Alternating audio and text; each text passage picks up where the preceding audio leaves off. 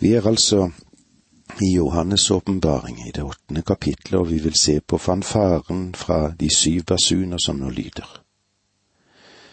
Dommen er klar til å iverksettes over jorden. Dette er tausheten for dommens storm som kommer over jorden i denne spesielle perioden. Og her rekker det ikke med noen tilfluktsrom.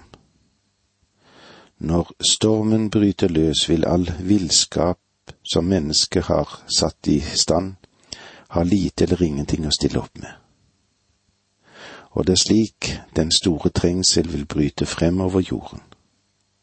Og den blir markert for oss gjennom basunene som det blåses i. Og det er dette som er temaet for fra kapittel åtte vers to til og med kapittel elleve i åpenbaringsboken. Idet vi går inn i det andre verset her i kapittel åtte, så har vi som overskrift Engel ved alteret med røkelseskar. Så leser vi det andre verset. Deretter så jeg de sju engler som står framfor Gud, og det ble overrakt dem sju basuner.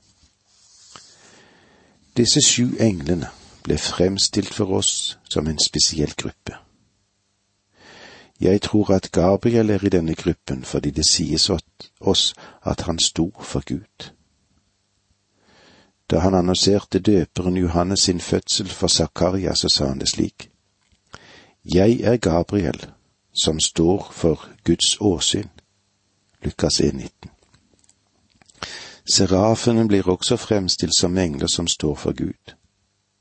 Det kan du se i Jesaja 6, 1 og 2. Men disse sju englene må ses på som en annen gruppe enn serafene fordi deres misjon og tjeneste er helt forskjellig fra deres. Sju basuner har en spesiell mening for Israel, og jeg vil ikke at vi skal gå glipp av dette, for jeg tror dette er viktig. Og her er det av betydning at vi har kunnskap om Det gamle testamentet. I Fjerde Mosebok fikk Moses beskjed av Gud at han skulle lage to sølvtrompeter. To. To, det var vitnesbyrdets tall. Herren har sagt flere ganger at ved to vitners utsagn skal den sak stå fast. Disse to trompetene ble brukt under vandringen i ørkenen på to måter. De ble kalt når de skulle få folk til å samle seg. Og det ble brukt for å starte vandringen hver gang leiren brøt opp for å gå videre. I Fjerde Mosebok kapittel ti vers to står det slik. Lag deg to trompeter. Av hamret sølv skal du lage dem. Du skal bruke dem når du kaller folket sammen og når leiren skal brytes. Da Israel kom inn i landet, ble trompetene brukt i forbindelse med to andre forhold, og det ser vi òg i Fjerde Mosebok kapittel ti versene ni og ti. Når dere drar i krig i deres eget land mot fienden som går til angrep, skal dere blåse alarm på trompetene. Da vil Herren deres Gud komme dere i hu, så dere blir berget fra fienden. Når dere har gledesdager, høytidsdager og nymånedager, skal dere blåse i trompeten samtidig som dere bærer frem brennoffer og måltidsoffer. Det skal være en påminning om dere hos deres Gud. Jeg er Herren deres Gud. En enkel trompet ble det blåst i når høvdingene skulle samles. Fjerde Mosebok 10,4. Blåse dere bare i den, den ene, skal høvdingene, førende for Israels fylkninger, samles hos deg. Den enkle trompet er etter min mening det som korresponderer med den siste basun som Paulus nevner i første Korinterbrev 15. Denne trompet ble brukt for å kalle sammen en bestemt gruppe i Israel, og Paulus skriver det slik i første Korinterbrev 15, 51 og 52. Se, Jeg sier dere en hemmelighet. Vi skal ikke alle dø, men vi skal alle forvandles i ett nu, på et øyeblikk, når det lyder støt i den siste basun. For basunen skal lyde, de døde skal stå opp i uforgjengelighet, og vi skal bli forvandlet. Uheldigvis er det noen som påstår at den siste basun i Korinterbrevet 15 er den samme som den syvende basun i åpenbaringsboken. Men det er ikke noen sammenheng mellom dem. Hør på Paulus igjen i første Tessalonikerbrev 4,16. For når befalingen lyder, og det høres et rop fra overengelen og et støt i Guds basun, da skal Herren selv stige ned fra himmelen og de som døde i troen på Kristus skal først stå opp. Dette rop er den Herre Jesus stemme det. Overengelens røst betyr at hans stemme er lik en overengels stemme. Guds basun er fremdeles hans stemme. Hans stemme skal lyde som en basun eller som en trompet. Dette kan vi si i åpenbaringen i en tid der Johannes sier at han hørte en røst, en klang som en basun, og en vendte seg om og så den herliggjorte Kristus. Den herliggjorte Kristus skal kalle sine egne frem fra jorden. Når Paulus taler om den siste basun, basunen skal lyde, og de døde skal stå opp, mener han den Herre Jesu Kristi kall. Det er det siste kall han gir menigheten, og derfor blir den kalt den siste basun. Men parallellen i Det gamle testamentet dreier seg om å kalle høvdingene frem for Israel. En trompet lyder, og den har ingenting å gjøre med fremrykningen fra hele folkets side under ørkenvandringen. Men trompetene ble også brukt som alarm under ørkenvandringen, og et alarmsignal regulerte bevegelsene for hver av stammene. Stammene var jo inndelt i fire grupper, hver på tre stammer. De slo jo leir rundt tabernaklets fire sider. I tillegg var det tre atskilte familier i Levi-stamme som bar inventaret til tabernaklet. Korat, Gershon og Merari. Fire og tre utgjør sju. Det var sju støt i basunen som satte Israel i bevegelse. Når den første trompet lød, da ble arken båret frem, og det var korahittene som bar den. Deretter fulgte judastammen sammen med to andre stammer under judabanneret, og slik fortsatte de inntil hele folket var på marsj. Hver mann kjente sin plass og sto på sin post. Alt var velorganisert i Israel sin leir. Apostelen Paulus sier at alt skal gjøres i god orden i menigheten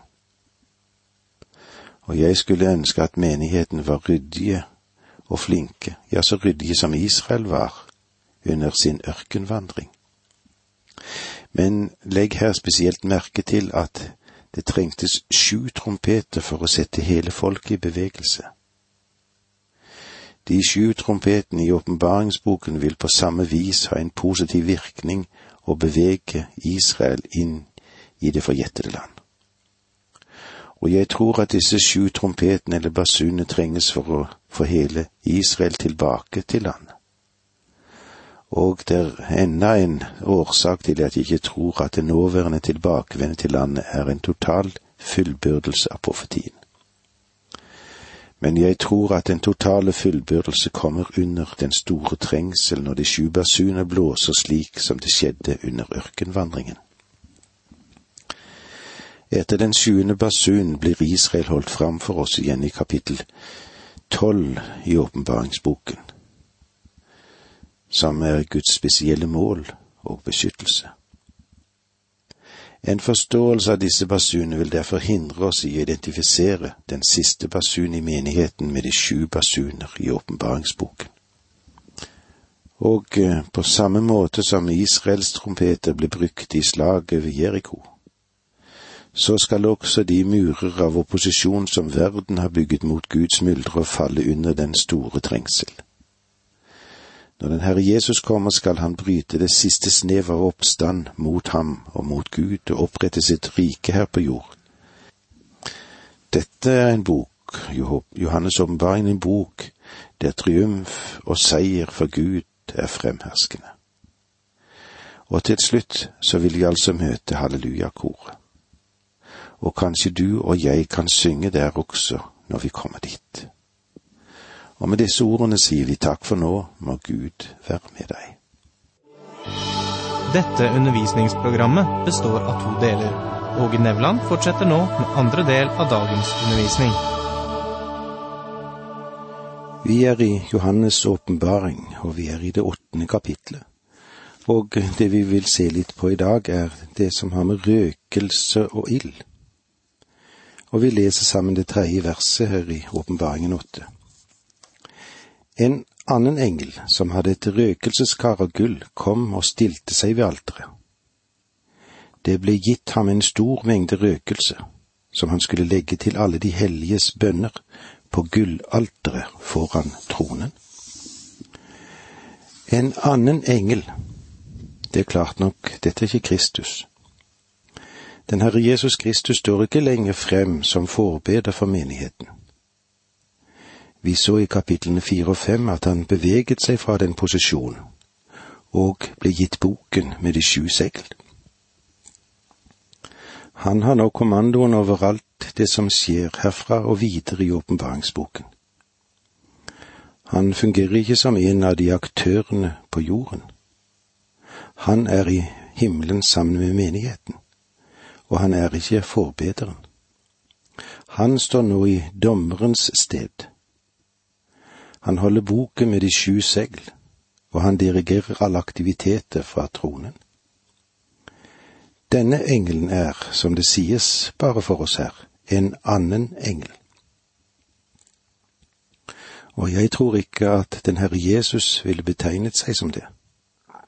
Selv om det er sant i den førinkarnerte Kristus, før han åpenbarte seg, så var han en engel i Det gamle testamentet så tror jeg ikke at han igjen vil åpenbare seg som en engel. Han vil være den som han er i et herliggjort legeme. Og vi skal se ham slik en dag. Gullalteret, det er det sted hvor bønnene ofres. Kristus står ikke på forbønnens sted foran gullalteret. Han sitter på tronen nå Røkelse ble sammenlignet med bønn, og er en type av bønner. I Salme 141 vers 2 så sier David det slik. La min bønn få gjengjelde som røkelse for deg, mine løftede hender som offer om kvelden. Røkelse, det taler om verdien av Kristi navn og gjerning i bønn. Om dere ber om noe i mitt navn, det er en tilskyndelse som han har til oss.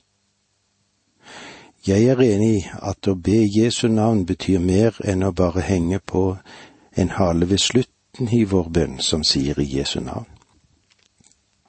Men jeg vil gjerne si at for oss alle sammen når vi ber en bønn i Jesu navn, og spesielt når vi gjør det i en offentlig sammenheng, vær da sikker på at du sier at det er i Jesu navn. Jeg tror ikke at dette er helt uviktig, nei, det er vesentlig dette. Her ofrer de røkelse, en røkelse med søt duft. Du og jeg, vi blir ikke hørt fordi vi bruker mange ord, eller om vi har et blomsterspråk i våre bønner.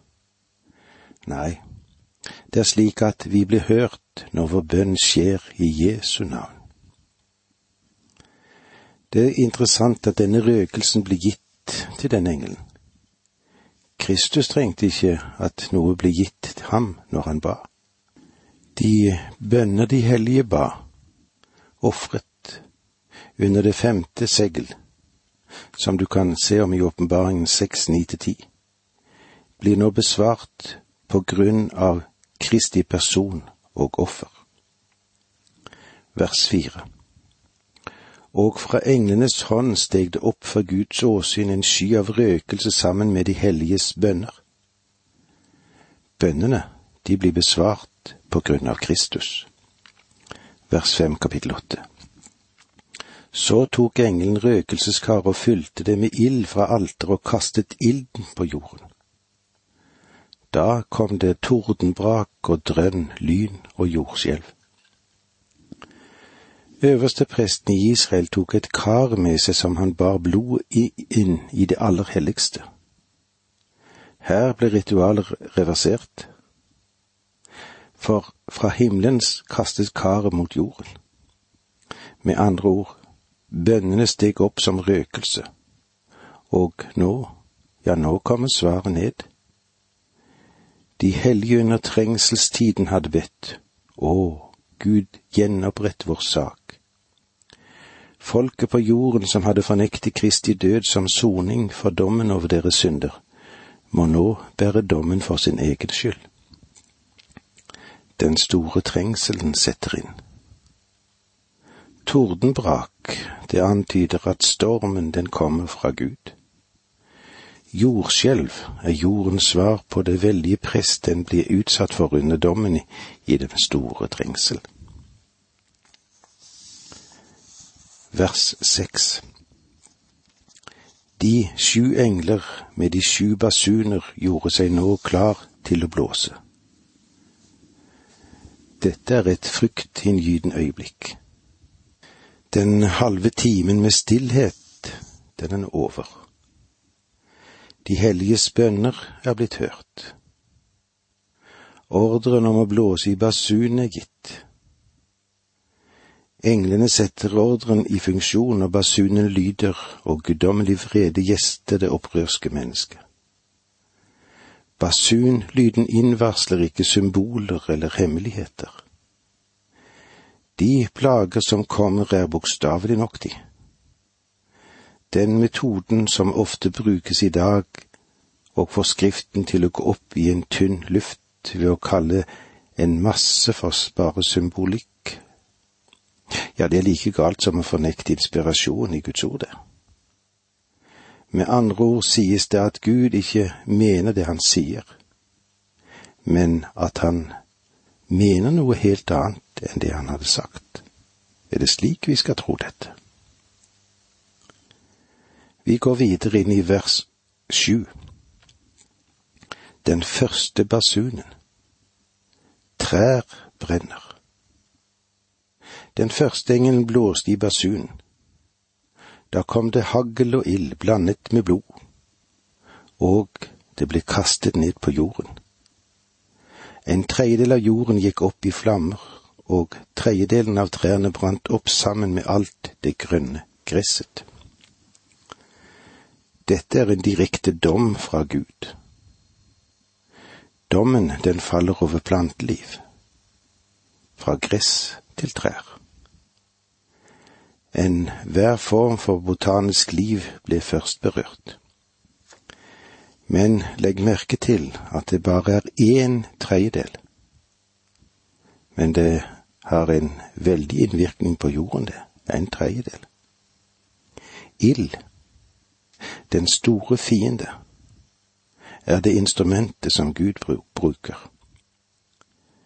Flodbølgen ble brukt ved den første globale dom. Nå er det ild. Denne jord skal renses ved ild. Og en tredjedel av jorden skal merke de veldige ødeleggelser. Plantelivet var det første som ble skapt, og det første som ble ødelagt.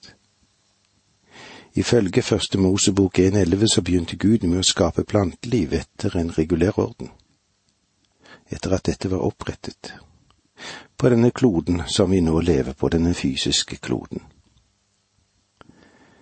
Dette er en bokstavelig dom over plantelivet på samme måte som den sjuende plage over Egypt var bokstavelig. Du kan se om den sjuende plage hvis du vil i annen Mosebok i det niende kapittel, vers 18 til 26. Jeg har tidligere gjort oppmerksom på at det er en slående parallell mellom plagene i Egypt og dommens basuner. Og dette tror jeg ikke er noen tilfeldighet. Går du tilbake til annen Mosebok, vil du se at plagen er bokstavelig. Enhver som tror på Bibelen, må erkjenne det. Men da må du også erkjenne at åpenbaringens plager burde tas på samme vis.